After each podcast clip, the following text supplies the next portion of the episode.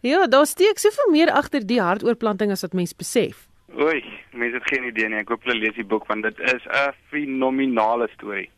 Wil jy 'n staaltjie met ons deel? Wel, byvoorbeeld, ek het nie geweet dat eh uh, Chris Barnard in 1960 Moskou besoek het. Nou onthou 1960 was kommunisme op die hoogste gety wat dit was, nee, die uitste gordyn was was vol in plek. Hier gaan 'n uh, wit ou uit Suid-Afrika uit en maak re reël met baie moeite om uh, Rusland toe te gaan want hy het gehoor daar is 'n 'n merkwaardige snydokter in Rusland wat ongelooflike oorplantingswerk doen.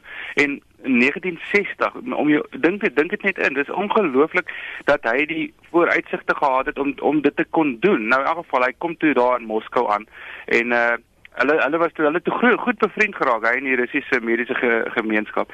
Maar hulle was natuurlik so arm, die die arme me, Russiese mediese ouens dat hulle nie geld vir vodka gehad het nie.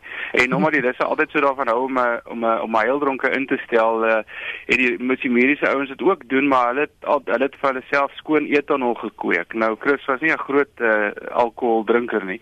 Uh, maar hy het, hy moes nou maar saam met die Russe die heildronke indrink, maar hy het nie besef was etanol nie. En die, na die eerste twee slikke wat hy gevat het, word hy wakker in die hotelkamer. Ehm um, heel 'n paar uur later en ehm um, heeltemal jy weet heeltemal amper flou geskrik van van wat gebeur het. Dis sê hulle vir hom sorry. Ja, ons ons het seker jou gesê, maar ons ons het nie geld vir word kan nie nou drink ons maar eet dan nog. Ja, dit klink vir my interessant. Ehm um, wat het jou die meeste geprikkel tydens die skryf van die boek? Dit dis net 'n ryk storie. Dis 'n ryk lewe wat hy ou gehad het met op en af soos ons almal.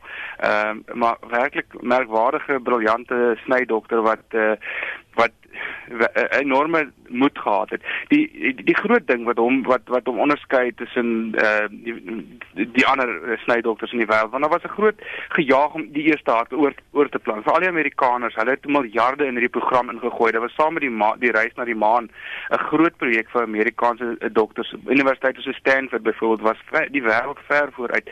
En vir vir vir vir vir Chris om om om het, die die groot verskil tussen wat Chris gedoen het en die ander. Hy het die moed gehad om iets te doen wat hy om om iets te doen wat wat hulle nie geweet het wat die uitkoms gaan wees nie. So om om die hart van iemand uit te sny wat die ou lewe nog. Met ander woorde, hy's baie siek besig om dood te gaan, maar hy lewe nog. En jy gaan en jy sny daai hart uit en jy gaan 'n ander hart inplant en hoop dat die ou weer gaan lewe was 'n enorme daad, 'n enorme stap van moed en geloof en vertroue in jouself en jou eie vaardighede. Vir my was dit 'n uh, iets iets om iets wat vir my nogal getref het. Baie dankie, dit was James Brent Stein, die skrywer van die boek Hartebreker.